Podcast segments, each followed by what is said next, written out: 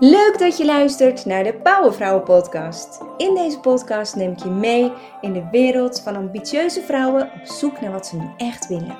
Ontdek hoe ook jij eruit kunt laten komen wat erin zit, kunt gaan bloeien, succesvol zijn en bruisen, maar wel vanuit een basis van rust en balans.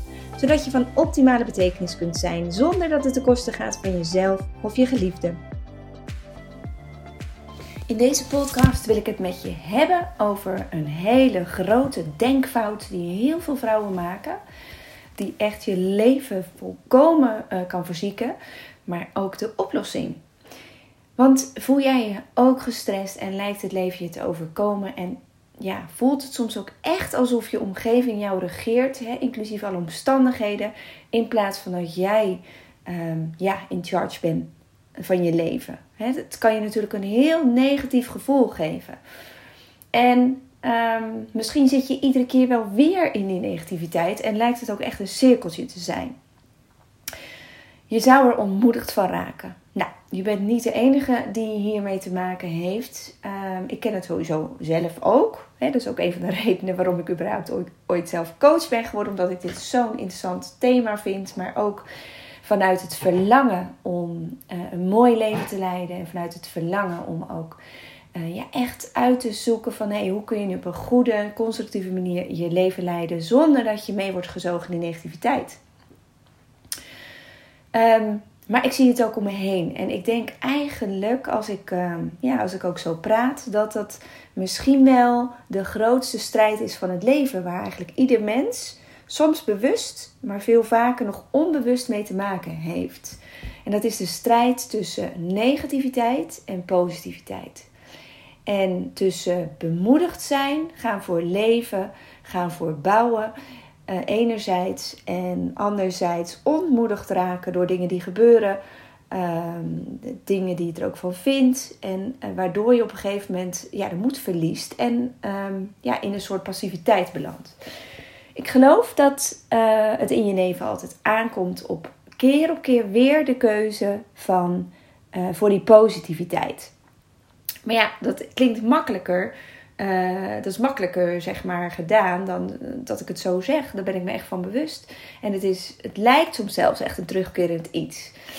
Toch wil ik in deze podcast uitleggen welke negatieve gedachte hier nou eigenlijk aan het regeren is. En waar dat vandaan komt. Want als je dat begrijpt, dan zie je ook de hele grote denkfout die je dan eigenlijk constant maakt.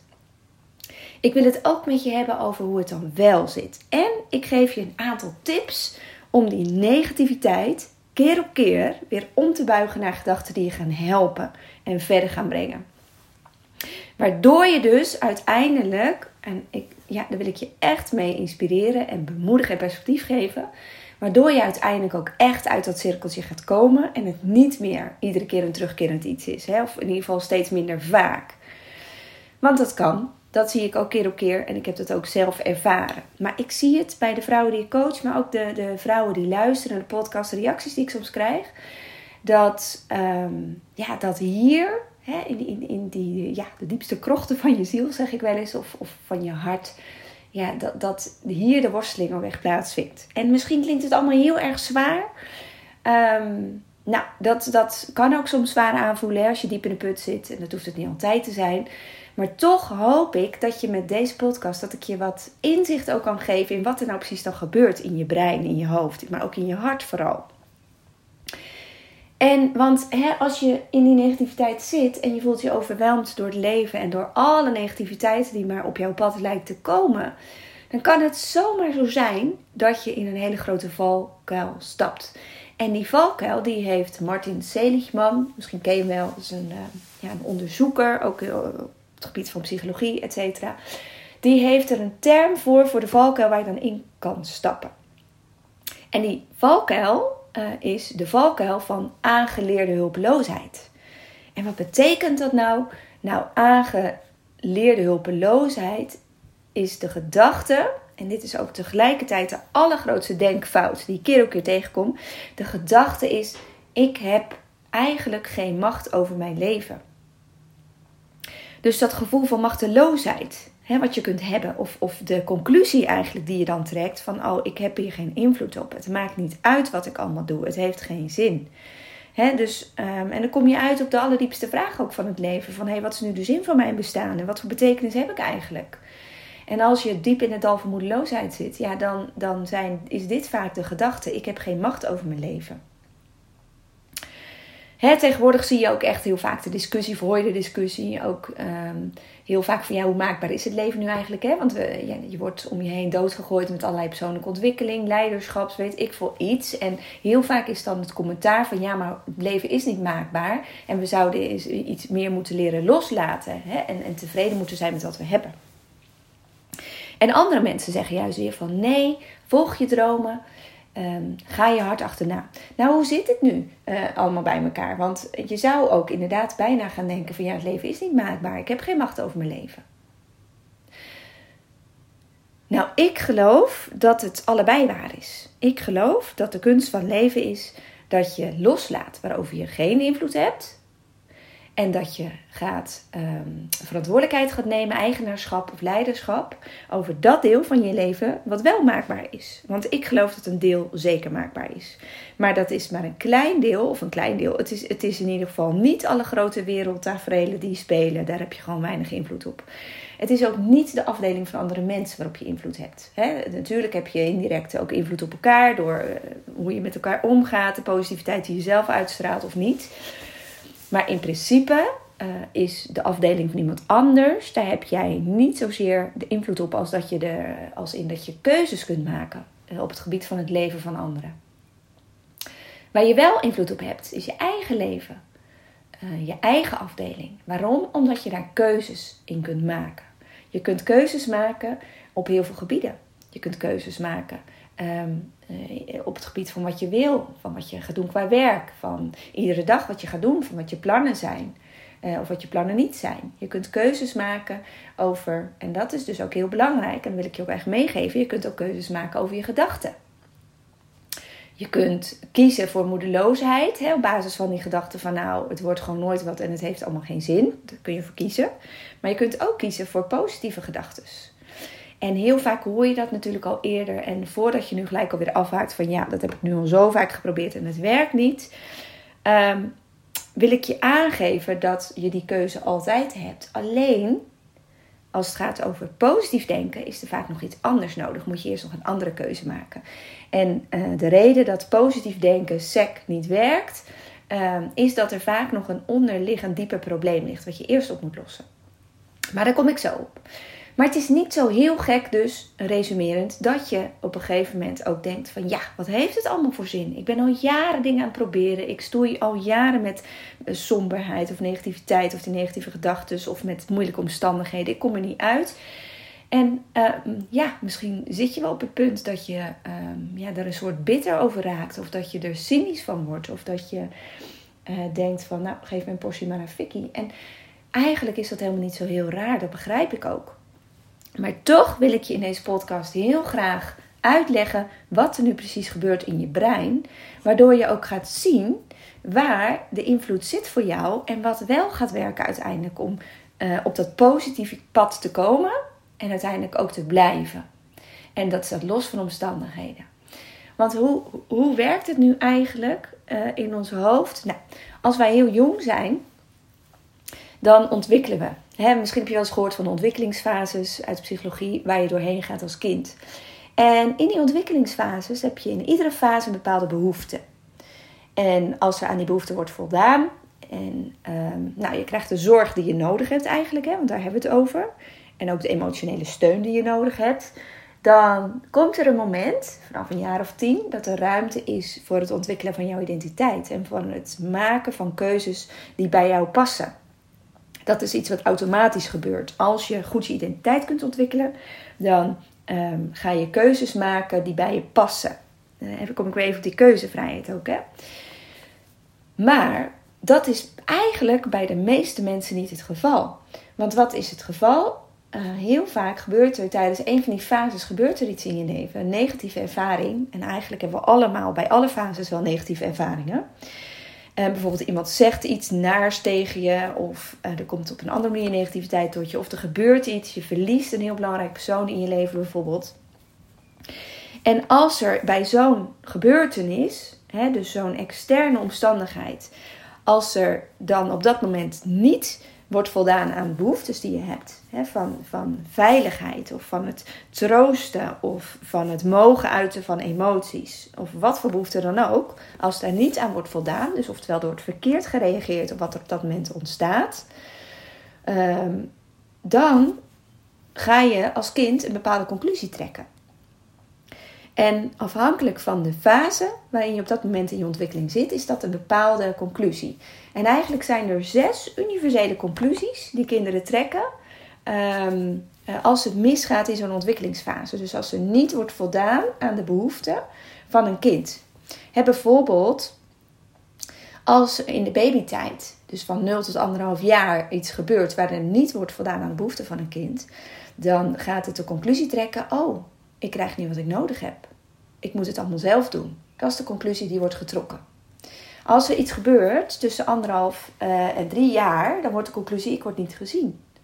Als er iets gebeurt tussen drie en vijf jaar, ontstaat de conclusie: ik word afgewezen. Tussen 6 en 12 jaar is dat de conclusie: ik ben niet goed genoeg. En tussen 12 en 18 jaar is dat de conclusie: oh, ik ben niet belangrijk. En overlappend met die periode uh, dus tussen 10 en 35 jaar, hè, waar echt de identiteitsontwikkeling uh, ook echt plaatsvindt, kan de conclusie worden getrokken: ik weet niet wie ik ben. Het gaat dus echt hè, die, over die identiteitsontwikkeling. En dit zijn zes universele negatieve gedachten die zich dan nestelen in het brein. Uh, waarvan, um, ja, omdat er pijn ontstaat die niet wordt verwerkt. Hè, dus, dus er komt pijn in het hart van iemand. Uh, de emoties worden niet geuit, het wordt niet verwerkt, het wordt niet in het juiste perspectief gezet, er wordt niet de juiste zorg verleend eigenlijk die nodig is. Hè. Dus, dus je mist de begeleiding van of je ouders of uh, iemand die voor jou zorgt op dat moment. Er wordt niet voldaan aan de behoeftes. En vaak is dat niet natuurlijk een schuld, hè, maar heeft het meer mee te maken dat de ouder op dat moment zelf ook even geen ruimte heeft, of zelf ook heel erg verdrietig is, of wat dan ook. Het gaat niet over schuld, maar het is een gevolg. Een gevolg een negatief iets waarin pijn ontstaat in de jeugd. Nu is het zo dat de pijn die er ontstaat en die niet wordt verwerkt, hè, als gevolg van het niet voldoen aan die behoeftes, ja, daardoor ontstaat een trigger. En zo'n trigger wil zeggen dat is een gevoelige knop, eh, waarbij als er dingen in de omgeving gebeuren, ehm, die dus heftig zijn, dus omstandigheden, situaties of mensen zeggen dus ook weer iets negatiefs of uh, wat dan ook, dan is dat extra pijnlijk voor zo'n persoon, omdat die gevoelige plek er al zat. Het is een blauwe plek die er nog zit. Dat betekent dus dat iemand, eh, stel, stel nou even, iemand is 20, eh, nee, ik moet anders zeggen, iemand is een jaar of uh, ehm, 40. En er gebeurt iets in de omgeving. Dus iemand wordt, ehm, ja, ehm, nou ja, iemand zegt iets heel onaardigs dan kan dat bij iemand die 40 is en die eigenlijk nooit iets heeft meegemaakt in zijn jeugd, is dat pijnlijk. Maar het raakt niet aan een blauwe plek van iemand, dus het is minder pijnlijk. Dus die zal iets makkelijker zeggen op een gegeven moment van nou, het zal allemaal wel, ik vind er zelf iets anders over, dus ik laat het los. Maar als jij in je jeugd al die blauwe plek hebt ontwikkeld, die trigger, ja, dan is dat veel pijnlijker en is de impact dus ook veel groter van je omgeving. Eigenlijk heb je niet geleerd op zo'n moment om goed te reageren op negatieve omstandigheden. Het is veel pijnlijker daardoor, waardoor je dus bepaalde omstandigheden gaat mijden, of waardoor die negatieve conclusie die je hebt getrokken van die gedachten die ik net zei, uh, ja, wordt bevestigd. Van, oh zie je wel, ik word niet gezien. Oh zie je wel, weer afwijzing. Oh zie je wel, ik ben echt niet goed genoeg. Oh zie je wel, ze moeten me niet. Dat is veel pijnlijker.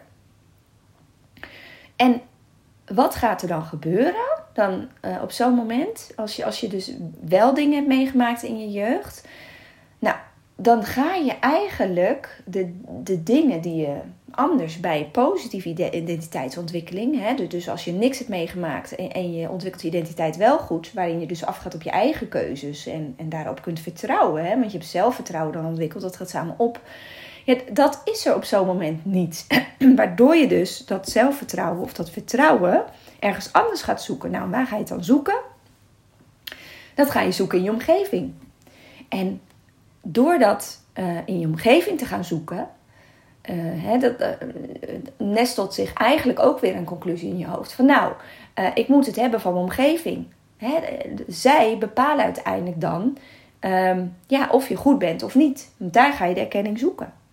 En die erkenning zit dus niet in een gezonde ontwikkelde identiteit. Omdat je zelf toen, ja, daar, die identiteitsontwikkeling is niet goed gegaan. Omdat er in die periode ook ehm, allemaal andere pijn al zat uit eerdere fases. Nou,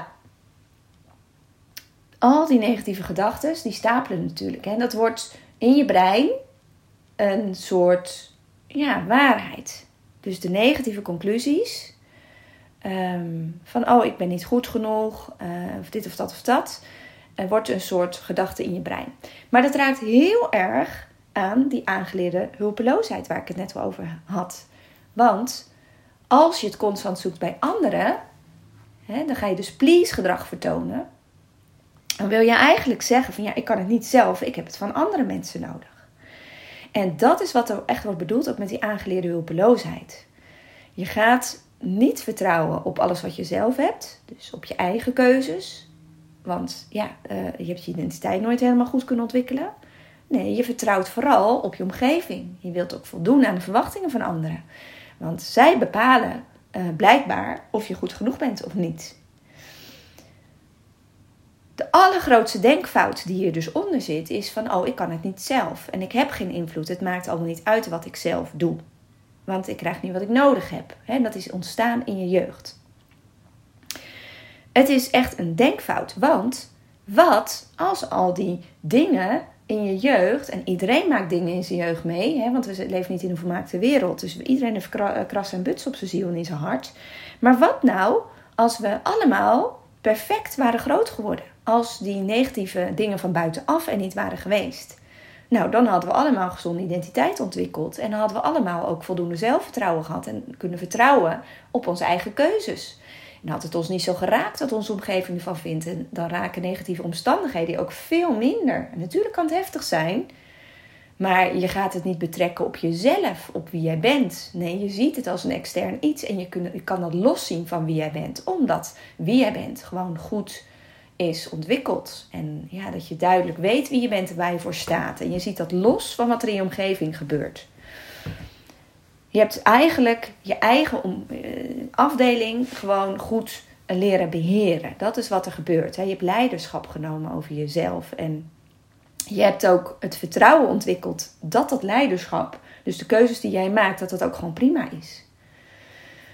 Dat is de situatie als het allemaal goed gaat. En dan is de vraag: oké, in hoeverre is dan die conclusie, als, als dat alles niet was gebeurd, hè, al die negatieve dingen, in hoeverre is die conclusie, had je dan de conclusie getrokken van: oh, ik heb helemaal geen, uh, ik heb geen macht, ik heb geen invloed, um, dus die aangeleerde hulpeloosheid. In hoeverre is die aangeleerde hulpeloosheid? Is dat reëel?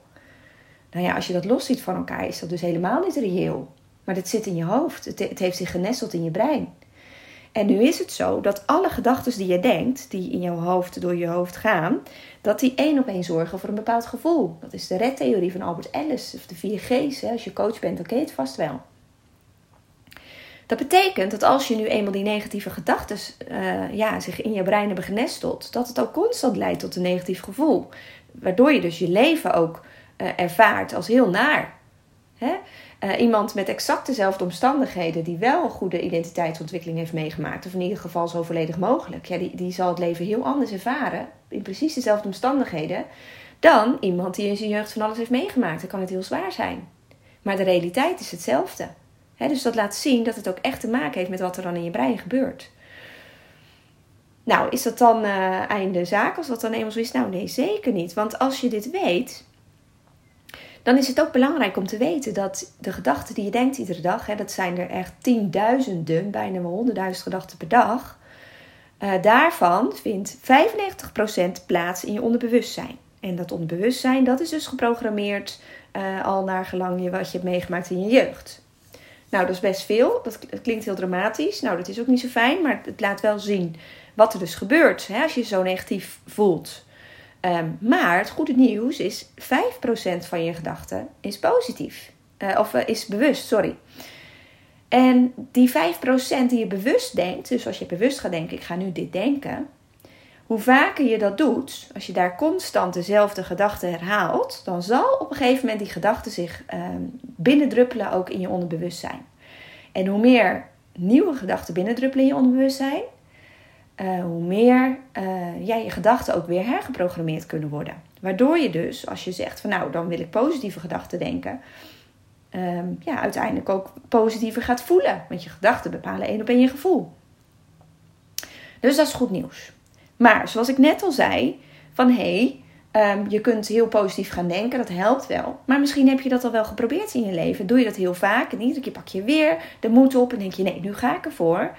Um, en iedere keer heb je gemerkt dat het niet lang stand houdt. Of dat het niet beklijft. Dat het niet lukt. En nou, dat je dus uiteindelijk weer die moed verliest. Hè?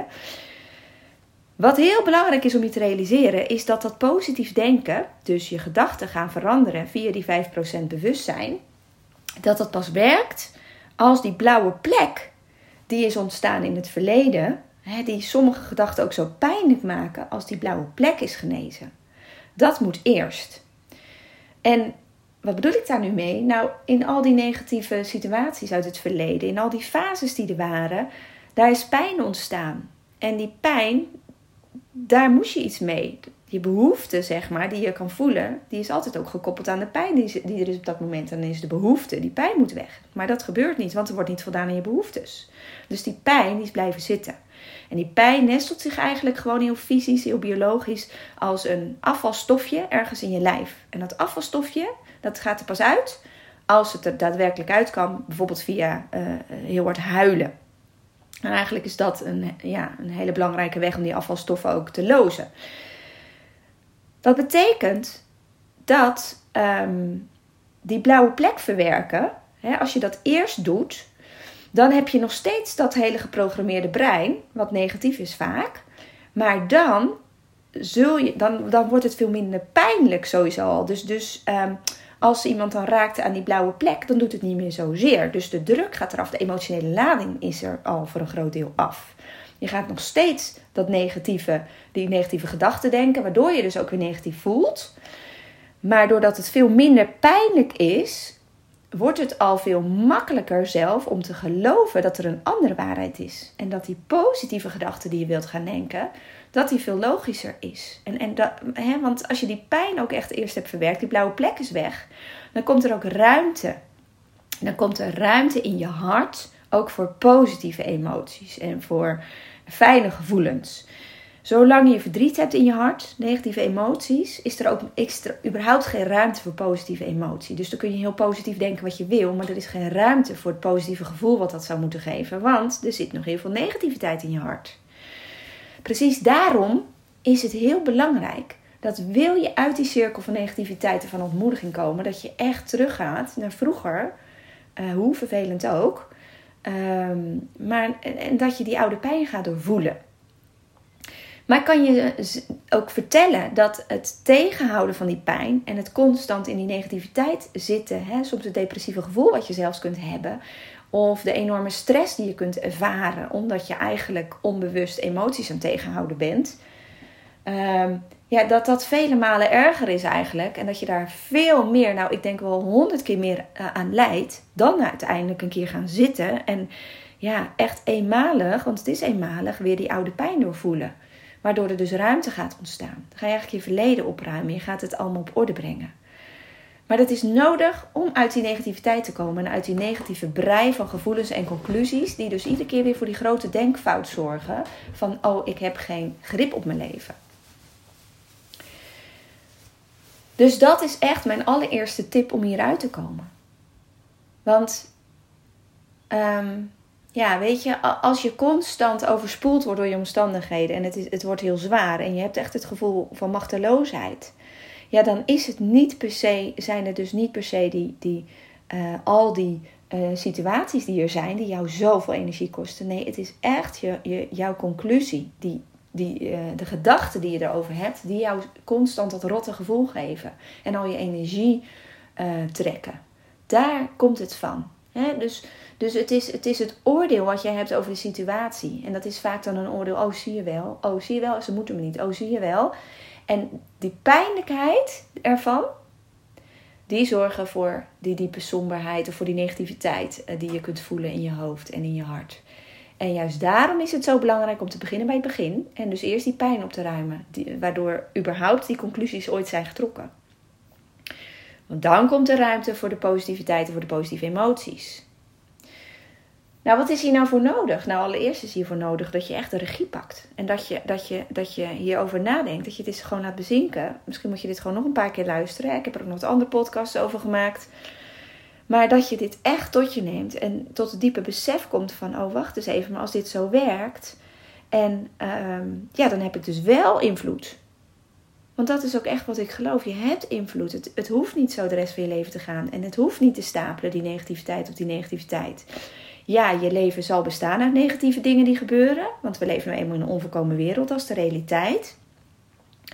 Maar het hoeft niet zoveel effect op jou te hebben als dat het misschien nu uh, op je heeft. Het hoeft niet zo negatief binnen te komen bij je als wat het nu doet. Het is nodig dat je daarvoor dus vervolgens echt die diepe hap adem neemt. Dat je, dat je zegt van hé, hey, dit wil ik anders. Ik wil er nu voor eens en voor altijd echt goed voor gaan. Ik wil hier echt uitkomen. Dus dat je jezelf ook echt committeert. Dat je de regie terugpakt. En dat je ook weer je, dat jij je gedachten gaat regeren. In plaats van dat je gedachten jou regeren. Dat is zo'n enorm verschil.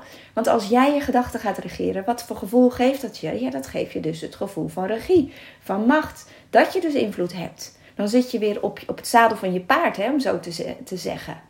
Je bent weer de kapitein over jouw schip. En dat gaat je energie geven. Want, waarom? Als je in die modus zit van regie, dan is er dus perspectief. Dan geloof je ook van hé, hey, als ik dit ga doen, dan kom ik verder. En hoop doet leven. Dus het is zo ontzettend belangrijk dat je op die manier ook echt ja, naar je leven gaat kijken. Dat je dus ook weer de leider van je leven wordt. Dat je de kapitein wordt van jouw schip of de chauffeur van je bus, net hoe je het wil noemen. Want, even nog heel duidelijk, het perspectief is er ook. Want als je hiermee aan de slag gaat, hè, dat, dat, is eenmalig dat verwerken van je verleden. En dat is echt serieus veel minder pijnlijk dan de narigheid of de negativiteit die het anders oplevert als je erin blijft zitten. Als je dat doet en je, en je gaat daarna werken aan die helpende gedachten, dus die positieve gedachten, je gaat die 5% in je, in je brein gebruiken, zeg maar, hè, waar je wel die ingang hebt ja, dan, dan gaat het veranderen. Dan ga je het merken. Er komt een ruimte voor positiviteit. Dan ga je je beter voelen. Want die positieve gedachten zorgen voor een positief gevoel. En nu is er eindelijk ruimte in je hart voor positieve gevoelens. Want al die negatieve gevoelens zijn eruit. Dus regie pakken. Verleden verwerken. En vervolgens dus het aanpassen van je denkpatroon. Dat is een stuk leiderschap. En wat hier heel erg bij helpt, en dat is nog een extra tip of een inzicht wat ik je heel graag nog wil meegeven tenslotte, is dat je het leven ook ziet als een ontwikkeling, als een leerproces. Heel vaak de conclusies die we trekken, die grote denkfout van oh, ik, ik heb geen invloed. Dat duidt ook op dat je heel statisch denkt over het leven. Van oh, het leven is mooi of het leven is niet mooi. Van, maar wat nou als je gaat kijken naar het leven als een ontwikkeling, als een leerproces? Dus dat je, ehm, ja, dat je daarin ook het perspectief ziet van, oh, er kan dus verandering komen. Want ook hiervoor geldt perspectief, hoop. Hoop doet leven. En dan heb je vooruitzicht. En als je dan weet hoe je dat kunt doen, wat je daarmee uh, kunt, ja, dan kom je dus ook verder. En ik durf echt te zeggen, dan maakt het niet uit wat je hebt, hebt beleefd in je verleden. Echt niet. Ik geloof dat de grootste trauma's echt verwerkt kunnen worden. Maar de reden dat trauma's vaak niet verwerkt worden, is de ontmoediging die eronder ligt. Dat mensen echt het gevoel hebben of de conclusie hebben getrokken: het heeft allemaal toch geen zin. Ik kom hier niet uit. Dus dat is weer die hulpeloosheid die ze kunnen voelen. En het is niet gek, want het is ook heel heftig wat heel veel mensen hebben meegemaakt. Maar het is niet waar. Er is altijd hoop. Er is altijd iets nieuws. En dat geldt voor het hele leven. En als je op die manier naar het leven gaat kijken, als tijd die voorbij gaat, maar als ook gevoelens die uh, en verdriet, dat komt, maar ook wat kan gaan, omdat je het verwerkt, hè, dat is ook die ontwikkeling, dan is er altijd ruimte voor nieuwe en positieve emoties. En dan kan het leven altijd weer mooi worden en dan gaat achter iedere wolk die zon weer schijnen. En als er één ding is in mijn leven, of waar ik echt gewoon diepe passie voor voel, of een diepe missie ook in voel, is het om je dit echt ook mee te geven. Om je hiermee echt te bemoedigen. En maar ook aan te moedigen als jij in dikke stress zit. En als jij in negativiteit zit en als je de moed verliest en als je denkt, jee, ik kom hier gewoon nooit meer uit. Het is niet waar. Geloof er niet in. Het is gewoon simpelweg niet waar. Maar ga er wel mee aan de slag. Het vraagt ook echt om commitment, om dat leiderschap. Nou, hoe kun je dit concreet doen? Want weten en doen is twee. Hè? En ik hoop ook echt dat je dat beseft. Van, hey, want inzichten helpen al. Het geeft je hoop. Maar als je dus niet deze dingen gaat doen, ja, dan blijf je rot voelen. Dus het vraagt ook echt om stappen. Nou, dat is ook precies de reden waarom ik natuurlijk ook de programma's maak die ik maak. ik heb een wat kleiner programma gemaakt voor mensen die daar eerst eens aan willen snuffelen. Dat heet Hallo Powervrouw. Waarin ik je ook echt wil aanmoedigen om deze stappen, eigenlijk die ik ook al een beetje indirect in deze podcast weer heb benoemd, om daarmee aan de slag te gaan. Om nog verder in die bewustwording te komen, zodat je genoeg moed kunt verzamelen om uiteindelijk echt dat proces in te gaan. en echt dat proces ingaan, dat kun je ook nu al doen. Dat kan door bijvoorbeeld het programma Power Life te gaan volgen. Daarin gaan we dit proces in. Maar we gaan niet alleen dan terug naar je verleden. Eh, wat, ja, wat even die stap is die gewoon eerst moeilijk is. Nee, maar daarna gaan we verder met het, het weer alsnog verder ontwikkelen van je identiteit. Hè? Als die, die oude pijn en uh, et cetera, al die zooi je lijf uit is. Uh, voor zover dat er is, hè. Maar goed, iedereen heeft gewoon oude rommel die die meetorst. Want niemand is volmaakt. Ook ouders waren niet volmaakt, helaas. En nogmaals, het gaat niet over schuld, maar het gaat erover wat het heeft gedaan met jouw proces, met jouw ontwikkeling. Vervolgens gaan we dus kijken en dan wordt het ook hartstikke leuk, steeds leuker. Van hé, hey, maar wie ben jij dan? als die negativiteit uit je lijf is, wie, wie, wie, wie is er dan? En, en wat heb je dan allemaal in je hart? Welke plannen hè, komen er dan ook in je hart? Want ook daar is pas ruimte voor. Als je dus uit die negativiteit en die oude shit bent, dan pas komt er ruimte voor ontdekken wat je nu echt wilt. Want er is eigenlijk daarvoor helemaal geen ruimte voor in je hart of minder ruimte. Nou, dat is hartstikke leuk. Hè? Plannen maken. En dan gaat ook echt die focus van die negativiteit en van het hier en nu en van het verleden naar de toekomst. Waarin je van betekenis kunt gaan zijn. Waarin je eindelijk kunt gaan bloeien eigenlijk. Hè? Want je kunt pas bloeien nadat ook al die zooi uit je lijf is. Eigenlijk is het allemaal onkruid wat nu in je hart zit nog. Wat niet hier hoort. En wat je ook echt belemmert in het leven van je beroeping of je bestemming. Of net hoe je het wil noemen. Er is ook veel, veel minder ruimte om lief te hebben als je zo verdrietig bent. Of als je zo negatief bent dan, want, en dat is niet gek. Dat is niet schuld, je doet het niet fout. Nee, het is logisch. Maar het is niet nodig. En wat ik jou gun. En misschien heb je dit al meerdere keren gehoord, maar ben je nog niet tot actie overgegaan. Maar wat ik jou echt gun is dat perspectief. Maar vooral het leven van bloei. Ik heb het zelf ervaren in mijn leven. Er is zo'n ander leven mogelijk. En ja, weet je, ik denk dat ik er echt van spreken heb. Mijn jeugd was echt niet heel tof. Ik, had, ik heb heel veel dingen op moeten ruimen.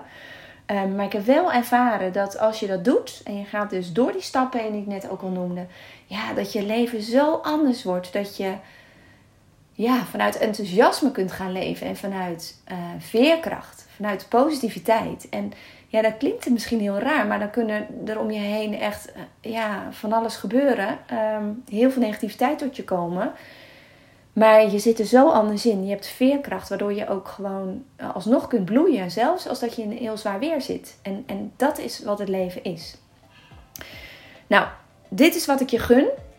Kijk echt serieus uh, hoe je ermee aan de slag gaat. En of het nou mijn trainingen zijn, misschien kun je ergens anders iets doen. Er wordt heel veel aangeboden. Zorg dat je het wel in de goede volgorde doet. Dus dat je echt bij het begin begint. Want nogmaals, positief gaan denken of gaan ontdekken wat je wilt. Dat lukt allemaal niet zonder dat je bij het begin begint. En dus eerst die negativiteit opruimt. En dus naar de bron gaat van al die negatieve conclusies die ergens in jouw brein zijn getrokken. Waardoor je dus ook telkens die allergrootste denkfout maakt dat je geen invloed hebt. Nou, dat heb je wel. Hopelijk heb ik dat goed voor je kunnen uitleggen in deze podcast. Nou, misschien was het weer een beetje zwaar. Is echt niet wat, ik, um, wat mijn bedoeling is. Hopelijk kun je vooral perspectief erin zien. Dankjewel voor het luisteren en um, tot in de volgende podcast.